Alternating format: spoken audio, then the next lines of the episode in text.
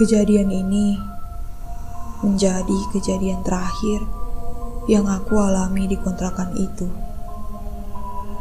Hari itu semua anggota keluargaku sedang ada acara di luar. Dan aku bertugas menjaga rumah. Azan Isya berkumandang, tapi aku tak kunjung sholat.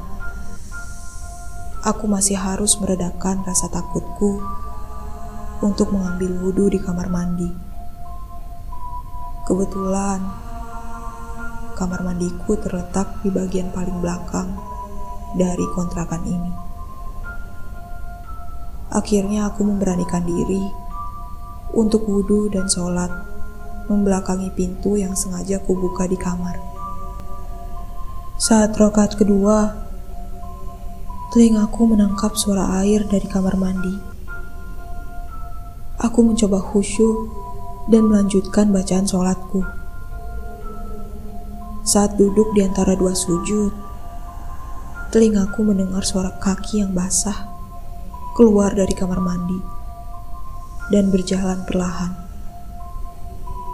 Pada saat itu juga, aku lupa bacaan sholat.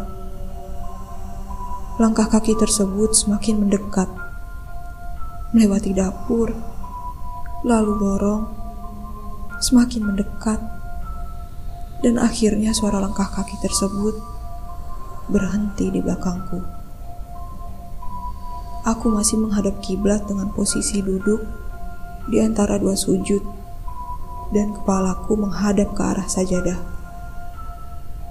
Saat suaranya berhenti tepat di belakangku, aku langsung mengangkat kepalaku. Seluruh tubuhku kedinginan dan bergetar hebat, tetapi tangan dan kakiku panas.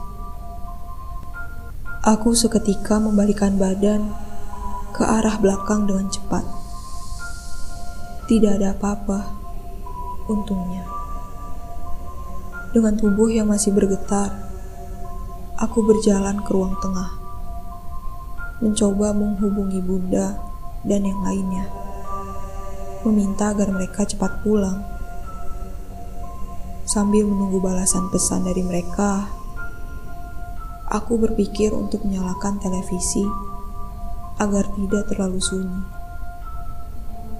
Layar televisi yang hitam memantulkan bayangan dari belakangku. Ada tembok, lantai, karpet, dan baju.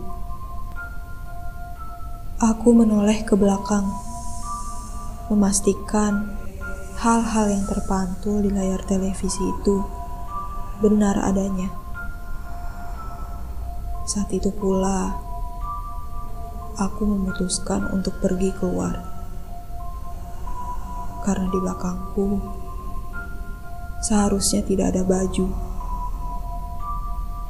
Layar televisi itu memantulkan hal lain yang sampai sekarang aku pun tak tahu itu apa.